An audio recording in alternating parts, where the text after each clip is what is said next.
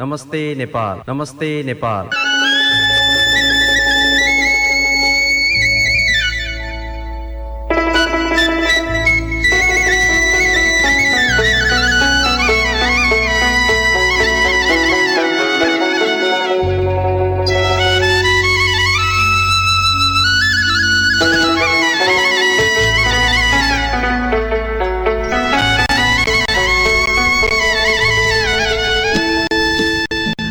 नमस्कार। Plains FM ninety six point nine mega हजमा यो हो क्राइसिसवासी नेपालीहरूको आफ्नै कार्यक्रम। कार्यक्रम नमस्ते नेपाल।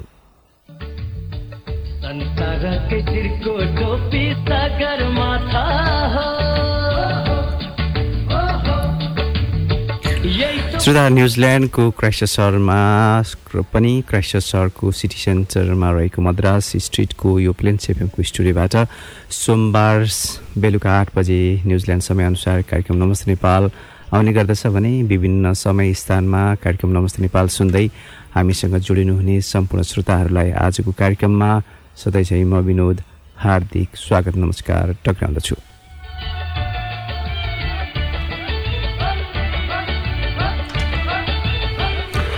हजुर श्रोताहरू कस्तो हुनुहुन्छ यहाँहरू? Nepal New Zealand friendship society क्यान्टबरीको प्रस्तुति हो यो कार्यक्रम। नमस्ते नेपाल विगत चौध वर्षदेखि यहाँहरूको सेवामा निरन्तर रूपबाट रहि नै रहेको छ भने यहाँहरूको निरन्तर साथ सहयोग र सद्भाव अनि स्नेह माया अनि प्रतिक्रिया अनि सुझावका रूपबाट पनि हामीले पाइ नै रहेका छौँ। त्यसका लागि यहाँहरूलाई सधैँ चाहिँ आजको कार्यक्रम मार्फत पनि म पनि यहाँहरूलाई हृदयदेखि नै धन्यवाद दोहोऱ्याउन चाहन्छु। श्रोता कस्तो हुनुहुन्छ? अब विभिन्न खालका खबर सामग्रीहरू छन् मिठा मिठा नेपाली गीत सङ्गीतहरू छन् अनि प्रसङ्ग प्रसङ्गसँग जोडिएका अनि मिठा तिता कुराहरूलाई पनि टिप्पणीका रूपबाट रमाइलो अनि सजिलो र व्यवहारिक होस् भन्ने हाम्रो चाहनाहरू सधैँ चाहिँ रहि नै रहेको हुन्छ। आज पनि त्यसैको श्रृङ्खलाको निरन्तरताको अर्को फेरो हो। अब कोरोना महामारीको कुराहरू पनि छ श्रोता। कोरोना महामारीकै बिचमा पनि नेपालमा विभिन्न खालका गतिविधिहरू विशेष गरी गरी राजनीतिसँग जोडिएका खबरहरू पनि आइ नै रहेका छन् भने अस्ट्रेलिया न्युजिल्यान्डमा यो बबलको कुरा पनि अब बिस्तारै अब फेरि सुचारू हुन लागिरहेको छ यो विकेन्डबाट। तर अब नेपालतर्फको खबरलाई नै उछानको सुरुवातमा यदि ल्याउने हो भने कोरोनाको महामारीमा आफ्नो ज्यानको बाजी लगाएर काम गर्ने फ्रन्ट लाइनरहरूको सम्मानमा हृदयदेखि नै कलाकार दुर्जाङ शेर्पाले रत्नपारको भित्तामा बनाएको चित्र मेटाएर महानगरपालिकाले के जित्यो अथवा के पायो भन्ने खालका प्रतिक्रियाहरू अहिले आइ नै सकेका छन्। सबै मिलौँ जुटौँ उठौँ भन्ने सन्देशका साथ बनाएको चित्र मेटिएपछि आफू निराश भएको कलाकार दुर्जान शेर्पाको प्रतिक्रिया मा सबैको सद्भाव नै रहेको छ।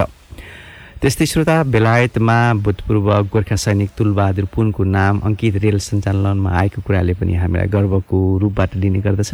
गत वर्ष नै ब्रेडको बेलायतको ग्रेट वेस्टर्न रेलवे सेवाले बेलायतको प्रति प्रतिष्ठित भिक्टोरिया क्रस भिसी पाएका भूतपूर्व गोर्खा सैनिक पुनको नाम अङ्कित एउटा रेल सेवा सञ्चालन गर्ने जनाएको थियो जुन अहिले सञ्चालनमा आइ नै सकेको छ। त्यस्तै फुटबल प्रेमी प्रेमीहरूको लागि कोपा अमेरिका र युरो कपको प्रतिस्पर्धाहरू पनि फलो गरिरहनु भएको छ अनि ओल्ड टेस्ट च्याम्पियन जितेर फर्किसकेको छ न्युजिल्यान्ड। अब त्यसको अब क्रिकेटको कुरा भयो। यस्तै खालका माहौलहरूका बिचमा कार्यक्रम नमस्ते नेपालमा समग्र नेपालीहरूको चासो चिउ चर्चोलाई सकेसम्म समेट्ने हाम्रो प्रयास रहि नै रहेको छ। कहिलेकाहीँ आफ्ना कुराहरू भन्ने क्रममा कसैका चित्त दुख्नेहरू पनि हुन सक्छन्। चित्त दुख्नु नदुख्नु अर्को ठाउँमा रहन्छ। त्यही पनि समग्रतालाई प्रतिनिधित्व गर्ने खालको आफ्नै खालका उद्देश्यहरू रहि नै रहनुपर्दछ भन्ने हाम्रो उद्देश्य रहि नै रहेको हुन्छ। अब विशेष गरी अब यो हप्ता आउँदो शनिबार एक किसिमको सामूहिक अब विशेष गरी नेपालीहरू बिच नेपाल न्युजिल्यान्ड फ्रेन्डसिप सोसाइटीले क्यान्सरबरीमा अलिकति खेलकुदहरूप्रति विशेष गरी ब्याडमिन्टन प्रति अलिकति लगातार र नियमित अभ्यास गर्दै आउनुभएका दाजुभाइ तथा दिदीबहिनीहरू बिच एक किसिमको वार्षिक एनजेड ब्याडमिन्टन प्रतियोगिता दुई हजार एक्काइस आयोजना गर्न लगभग सम्पूर्ण तयारी पुरा गरि नै सकेको छ। आउँदो जुलाई दस शनिबारका दिन र एघार आइतबारका दिनमा एनएनजेड एफएससी ब्याडमिन्टन प्रतियोगिता हुँदैछ। श्रोता प्रतियोगिताको पहिलो चरणका खेलहरू राङ्गी रुरु गर्ल्स हाई स्कुलमा हुन्छन् भने सेमी फाइनल र फाइनल फेन्डल्टन्स कम्युनिटी सेन्टरमा हुन्छन् जुन हाम्रो पर्या जस्तै बनेको छ।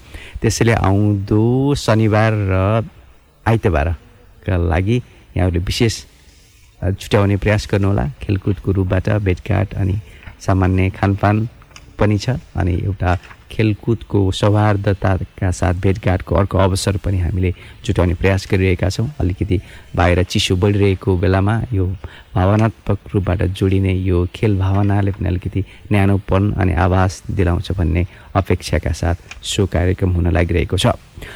श्रोता यसरी आज कार्यक्रमको उठान गरि नै सकेको छु। चिसो चिसो छ। चिसोका बिचमा पनि हामीले हिउँलाई देख्ने प्रयासहरू गरिरहेका छौँ। अलिकति गन्तव्यमा पुगेर अलिक टाढा गएर पनि हिउँलाई छुने र प्रत्यक्ष अनुभव गर्ने हाम्रा प्रयासहरू पनि भइसकेका छन् भने क्राइस्टचर्चमै पनि अलिकति हामीले हिउँको महसुस गर्न पाएदेखि हुन्छ भन्ने अवस्थामा पनि रहेका छौँ।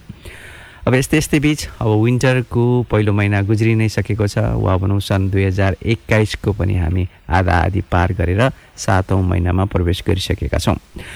श्रोता यसरी आजको कार्यक्रमको सुरुवात गरि नै सकेको छु भने अब कार्यक्रमलाई फेरि पनि साङ्गीतिक रूपबाट जोड्नुपर्ने हाम्रो क्रम नै रहेको छ। त्यसैले आजको कार्यक्रमको पहिलो कोसेली स्वरूप यहाँलाई एउटा नेपाली मिठो गीत देवर बाबु चलचित्रबाट लिएको यो गीत अब यहाँहरूको लागि प्रस्तुत गर्दैछु।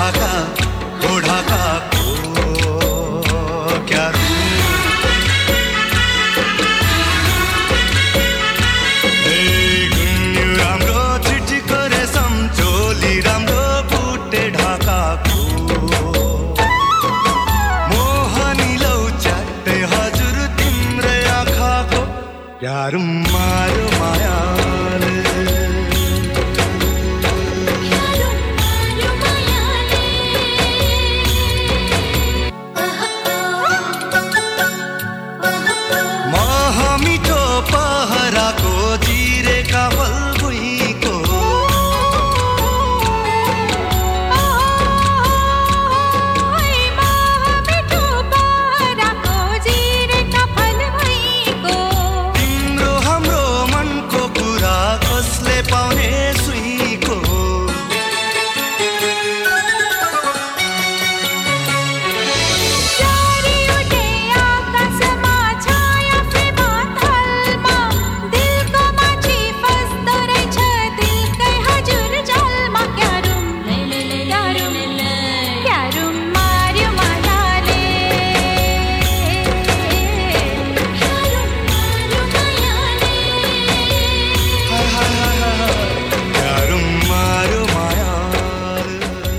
श्रोता साधना सरगम र राजेश पायल राईको यो सुर हामीले सुन्दै गर्दाखेरि हामी विदेशमा बसेर पनि फेवा ताललाई सम्झिने रहेका छौँ। फेवा तालको आसपास घर भएर त्यहाँ पुगेर आउनेहरूको लागि फेवा तालसँग जोडिएका मिठा मिठा अनि सुगन्धित सम्झनाहरू निश्चय नै ताजा भएर आउँछ जस्तो लाग्छ।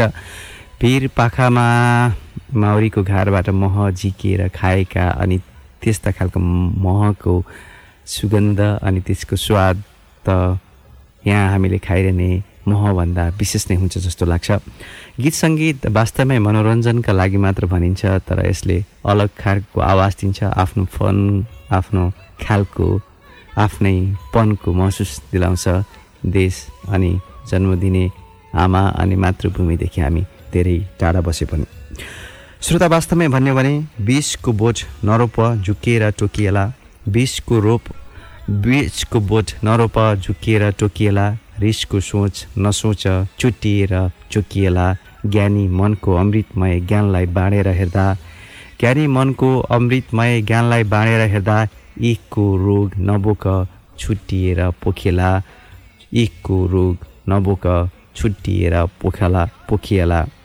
श्रोता समकालीन साहित्यका लागि विशेष यो फेसबुक पेज हो। त्यसको लागि शोभा काफले खतिवडाएका यी शब्दहरू गीत र परिवेशसँग अलिकति फरक अर्थ राख्छन् होला।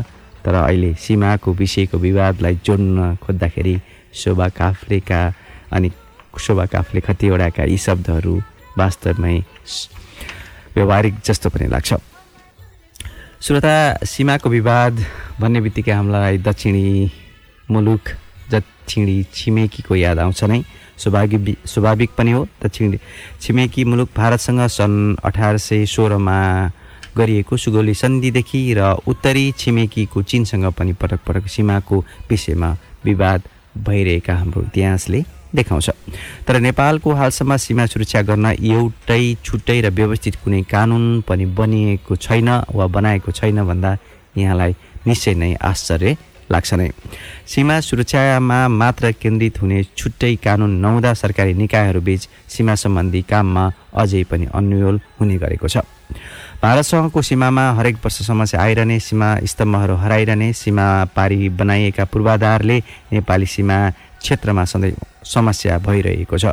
गृह मन्त्रालयका अनुसार अहिले दुई सय सत्र र दुई सय सत्र र सात गरी दुई सय चौबिसवटा बोर्डर आउटडोर पोस्ट बिओपी छन् जसको जिम्मा सीमा पिल्लरको सुरक्षा दिनु छ।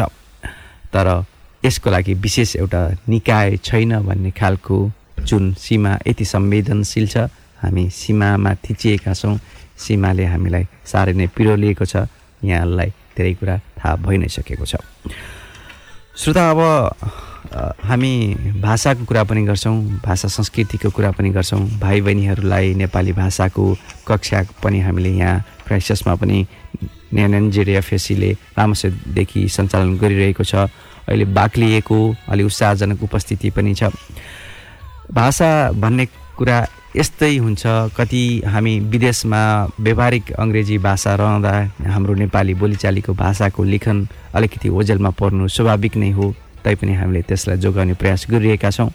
त्यस्तै अलिकति फरक रहेर डाक्टर माधव प्रका माधव प्रसाद पोखरेलले अहिलेसम्म नेपालका वर्ण विश्लेषण वर्ण निर्धारण र वर्णमालामा बनाएका वर्णमाला बनाएका मातृभाषाहरूको सङ्ख्या सडसठी पुगेका छन्। तिनीहरूमध्ये धेरैजसो अलिखित नै थिए यसअघि।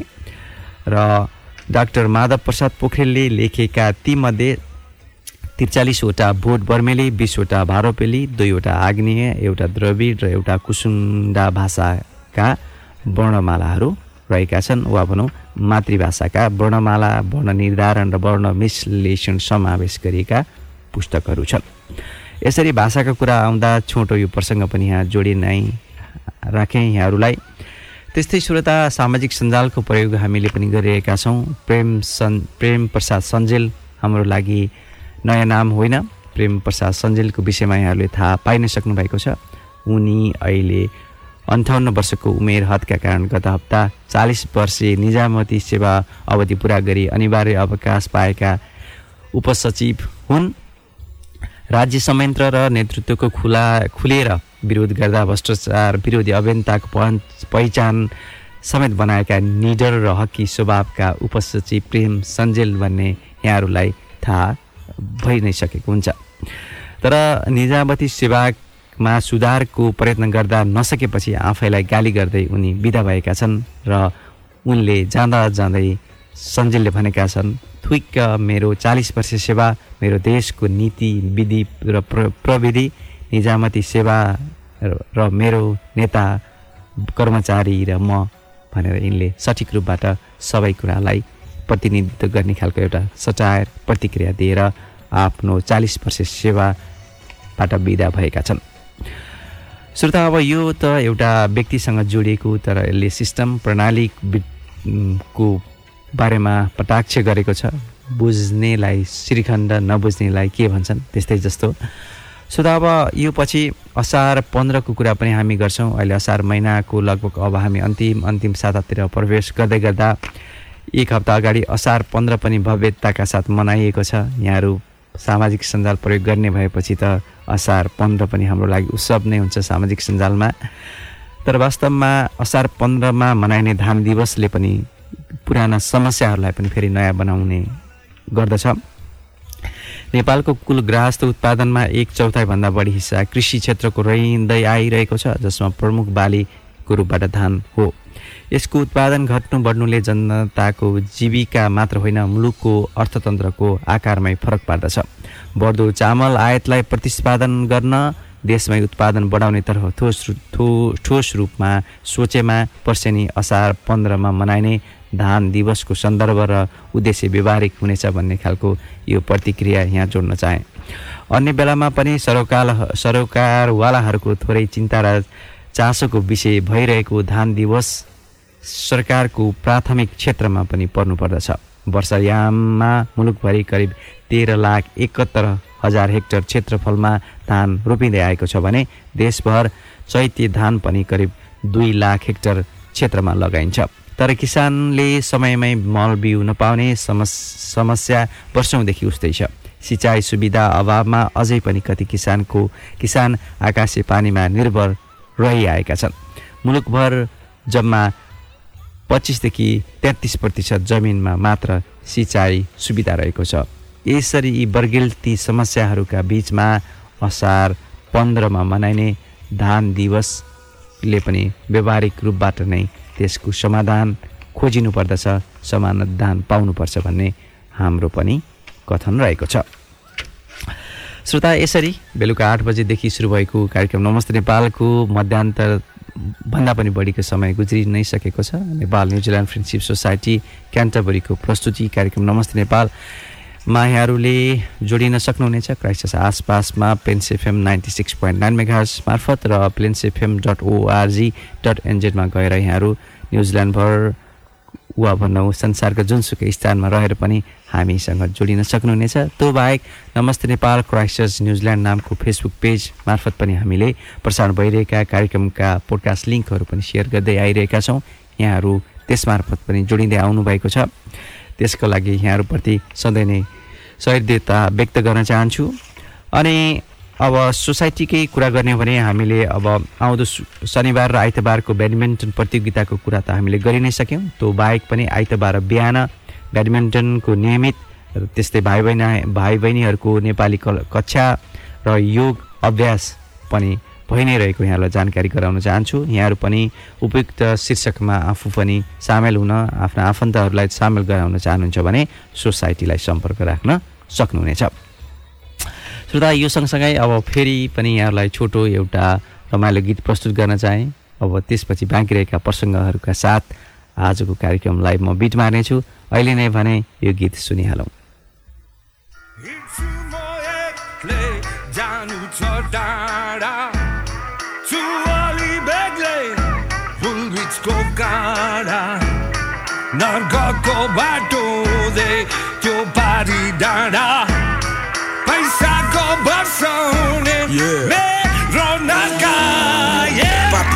पाल्न प्रयास दस थरी पैसा पेले खुल्ने रहेछ यहाँ हतकडी साथीभाइ सबैजना मतलबी।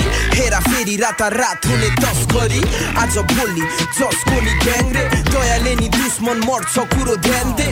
तेरो वादा काम पुरा हुन्छ प्लानले हातमा गाँठ परेपछि भट्टीमा क्याम्पे हिँड्छु म जानु छ टाढा। गाडा नगएको बाटो हुँदै त्यो पारी डाँडा पैसाको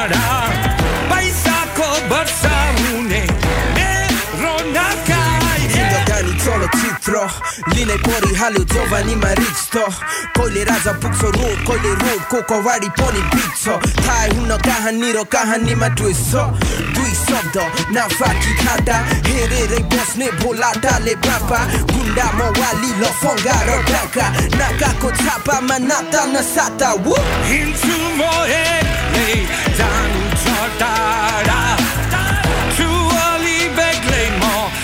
बिचको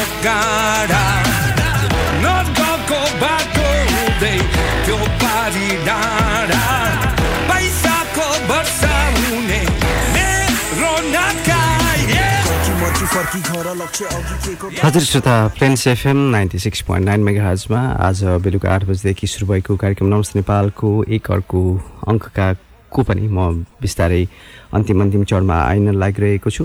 न्युजिल्यान्डमा विभिन्न खालका सङ्घ संस्थाहरूले आफ्नै फरक फरक खालका उद्देश्यहरूका साथ वा भनौँ एउटा निर्दिष्ट उद्देश्यका साथ विभिन्न संस्थाहरूले कार्य गर्दै आउनु भइरहेको छ। यसै क्रममा नेपालको पर्यटन प्रवर्धनका लागि न्युजिल्यान्डमा पनि सङ्गठनात्मक रूपबाट एउटा पहल गर्न लागि छ। त्यसका लागि रमेल डाक्टर रमेल अधिकारीको अध्यक्षतामा doctor Bhuwaneshwar Dhakal Dibesh Devi Chapagai vice president उपाध्यक्ष रहनुभएको अनि सञ्जय शान्ति सुवेदी सचिव हुनुभएको त्यस्तै दामोदर नेउपाने कोषाध्यक्ष र डाक्टर प्रदीप गेवाली प्रवक्ता रहनुभएको। Nepalese culture and tourism promotion forum New Zealand नामको संस्था पनि क्रियाशील भएको खबर यहाँहरूले थाहा पाइ नै सक्नु भएको छ जस्तो लाग्छ। नभए यहाँहरूको लागि जानकारी जस्तो भयो त्यस्तै सो संस्थाको सदस्यहरूमा निमा शेर्पा गोपाल गुरुङ रोजिना श्रेष्ठ दीक्षा पराजुली र परम्परा कोइराला समेत रहनुभएको छ। अब नव अब कार्यक्रम नयाँ कार्यक्रमहरूका साथ यसरी नेपालको पर्यटन प्रवर्धनमा विशेष गरी अलिकति निर्दिष्ट रहेर कार्य गर्नका लागि अघि बढ्नुभएको यो टिमलाई कार्यक्रम नमस्ते नेपाल क्राइसिसवासी नेपालीहरूको तर्फबाट पनि धेरै धेरै सफलताको शुभकामना व्यक्त गर्न चाहन्छु। त्यस्तै श्रोता हामीले नेपाल नेपाली साहित्य समाज न्युजिल्यान्डको संयोजनमा पनि हामीले नेपाली भाषामा विशेष गरी प्रयोगमा हराउँदै गएका कम प्रयोग हुने र हामीलाई यो विदेशमा बसेर अलिकति नयाँ अनौठो लाग्ने नेपाली शब्दहरूको तात्पर्यको बारेमा पनि यहाँहरूलाई जानकारी दिने प्रयास गर्दै आइरहेका छौँ। त्यसै क्रममा आजका शब्दहरू रहेका छन् ठेकन ढौटारो र चौरास। अनुश्रता अब ठेकनको विषयमा बुझिहालौँ। ठेकन भन्नाले कुनै टेको वा भनौँ टेका टेवाल आदिको तलतिर ठोकिनु वा भनौँ चुकलको रूपबाट चुकलको रूपबाट पनि ठेकनलाई बुझिन्छ। त्यस्तै श्रोता कक्कर गाँजा आदि आदि खाँदा चिलिममा पालमा राखिने ढुङ्गो खबटा आदिको टुक्रा वा ठेटी ठेरीलाई पनि ठेकनको रूपबाट बुझिन्छ। त्यस्तै श्रोता ढौटारो भन्नाले काम न काजसितको डुलाइ त्यसै भौतारिने कामलाई पनि ढौटारोको रूपबाट बुझिन्छ। त्यस्तै चौरास भन्नाले चढिने घोडाका घाँटीमा घाँटीमा लगाइने ससारौँ घन्टहरूको मालालाई चौरास भनेर बुझिन्छ। अब जीवन जीवले चौरासी योनि घुम्नु पर्दछ भन्ने कथन पनि नेपालीहरूतिर रहेको छ। सबैतिर वा भनौँ सबैतिर सबै दिशातिर पुग्नेलाई पनि चौरास वा भनौँ चार चौरासको रूपबाट पनि हामीले बुझिन्छ। नेपाली साहित्य समाज न्युजिल्यान्डको संयोजनमा प्राप्त भएका यी शब्दहरूको तात्पर्य उपलब्ध गराइदिनु भएकोमा साहित्य समाज न्युजिल्यान्डलाई पनि हृदयदेखि नै धन्यवाद दिन चाहन्छु। श्रोता अब कार्यक्रमको अन्तिम अन्तिम चरणमा आउँदै गर्दा अब हुन त विभिन्न खालका सम्बन्धहरू हुन्छन्। मानिसहरू जन्मेदेखि मृत्युसम्म विभिन्न व्यक्ति समुदाय अनि परस्परमा विभिन्न खालका सम्बन्धहरूमा जोडिएका हुन्छन्। एउटा विवाह त एउटा यस्तो सम्बन्ध हो। अब त्यसको कुनै व्याख्या र विश्लेषण नै आवश्यक छ जस्तो लाग्दैन। हुन त श्रोता विवाह सम्बन्धी यहाँहरूको पनि तर्क सबैको तर्क अलग अलग हुन सक्दछ। तर अस्ट्रेलियाकी रिलेसनसिप एक्सपर्ट तथा लेखिकाको रूपबाट चिनेकी नादिया बोकारीका अनुसार महिलाले विवाह गर्नु हुँदैन। किनभने यसले पुरुषलाई मात्र फाइदा पुर्याउ पुर्याउँदछ। विवाह एक पुरुष प्रधान चिज हो जसले पुरुषलाई अत्याधिक लाभ दिन्छ भने महिलालाई हानि बाहेक केही गर्दैन। हुन त यसमा बिस बेमती र असहमति राख्ने कयौँ असङ्ख्य महिलाहरू पनि हुनुहुन्छ। हुन त श्रोता लेखिका बोकाडी मात्र होइन क्यालिफोर्निया युनिभर्सिटीको एउटा शोध अनुसन्धानले समेत पुरुषसँग बसिरहेका महिला दोब्बर घरेलु भार उठाउन बाध्य भएको र फुल टाइम जागिर खाने महिलाहरूले नै बालबच्चाको पालन पोषणमा समेत आफ्नो शत प्रतिशत दिने खालको निष्कर्ष यसअघि पनि दिएको थियो र यहाँहरूको पनि आफ्नै तर्कहरू आफ्नै ठाउँमा हामीले रेस्पेक्ट गर्छौँ अथवा त्यसलाई आदर गर्छौँ। र श्रोता अब आजको कार्यक्रमको अन्तिम चरणमा आउँदै गर्दाखेरि अब नेपाली भाषी भुटानी समुदायसँग जोडिएको यो प्रसङ्ग पनि उठाउन चाहेँ। भुटानमा उठेको प्रजातन्त्र र मानव अधिकार प्राप्तिको आन्दोलन दबाउन निर्णायक मानिने भुटानका पूर्व गृहमन्त्री दागो छिरिङलाई जापानमा उच्च सम्मान प्रदान गर्न लागिएकोमा विश्वभरमा रहेका भुटानी समुदायले विरोध जनाएका छन्। सन् उन्नाइस सय नब्बेपछि दक्षिण भुटानका हजारौँ नागरिकमाथि दमन र अत्याचार हुँदा छिरिङ गृहमन्त्री थिए। त्यो अवधिमा एक लाख पच्चिस हजार नागरिक सरकारी दमन खप्न नसकेर देश निकाला भएका थिए जसमध्ये करिब एक लाख नेपाल एक लाख नेपालमा शरणार्थीको रूपबाट आएका थिए वा भनौँ पुगेका थिए। त्यो सङ्ख्या पछि बढेर पनि गयो। श्रोता अन्तर्राष्ट्रिय समुदायले भुटानमा तिन दशक अघि भएको दमन र विभेदका सरकारी श्रृङ्खलालाई बिर्सन नहुने भन्दै त्यसको विरोध गरिएको हो। सन् उन्नाइस सय अन्ठानब्बेसम्म भुटानको गृहमन्त्री भएका छिरिङ त्यसपछि जापानका लागि राजदूत भएका थिए र जापानको सम्मान दिने घोषणा आई बाहिरिसकेपछि America Australia Canada New Zealand लगायतका मुलुकमा पुनर्वासमा आएका नेपाली भाषी भुटानैहरूले पनि यसको विरोध जनाइरहनु भएको छ। र श्रोता अब जाँदा जाँदै अब आजको कार्यक्रम यति नै। अब आउँदो साताको शनिबार र आइतबार एनएनजेड एफएससीको ब्याडमिन्टन प्रतियोगितामा यहाँहरूसँग भेटघाट हुने नै छ। तबसम्मको लागि आजको कार्यक्रम सुनेर साथ दिनुभएकोमा यहाँहरू सम्पूर्णलाई हृदयदेखि नै धन्यवाद दिँदै म विनोदलाई भने आउँदो साता सोमबारसम्मका लागि आज्ञा दिनुहोस्। नमस्कार शुभरात्रि।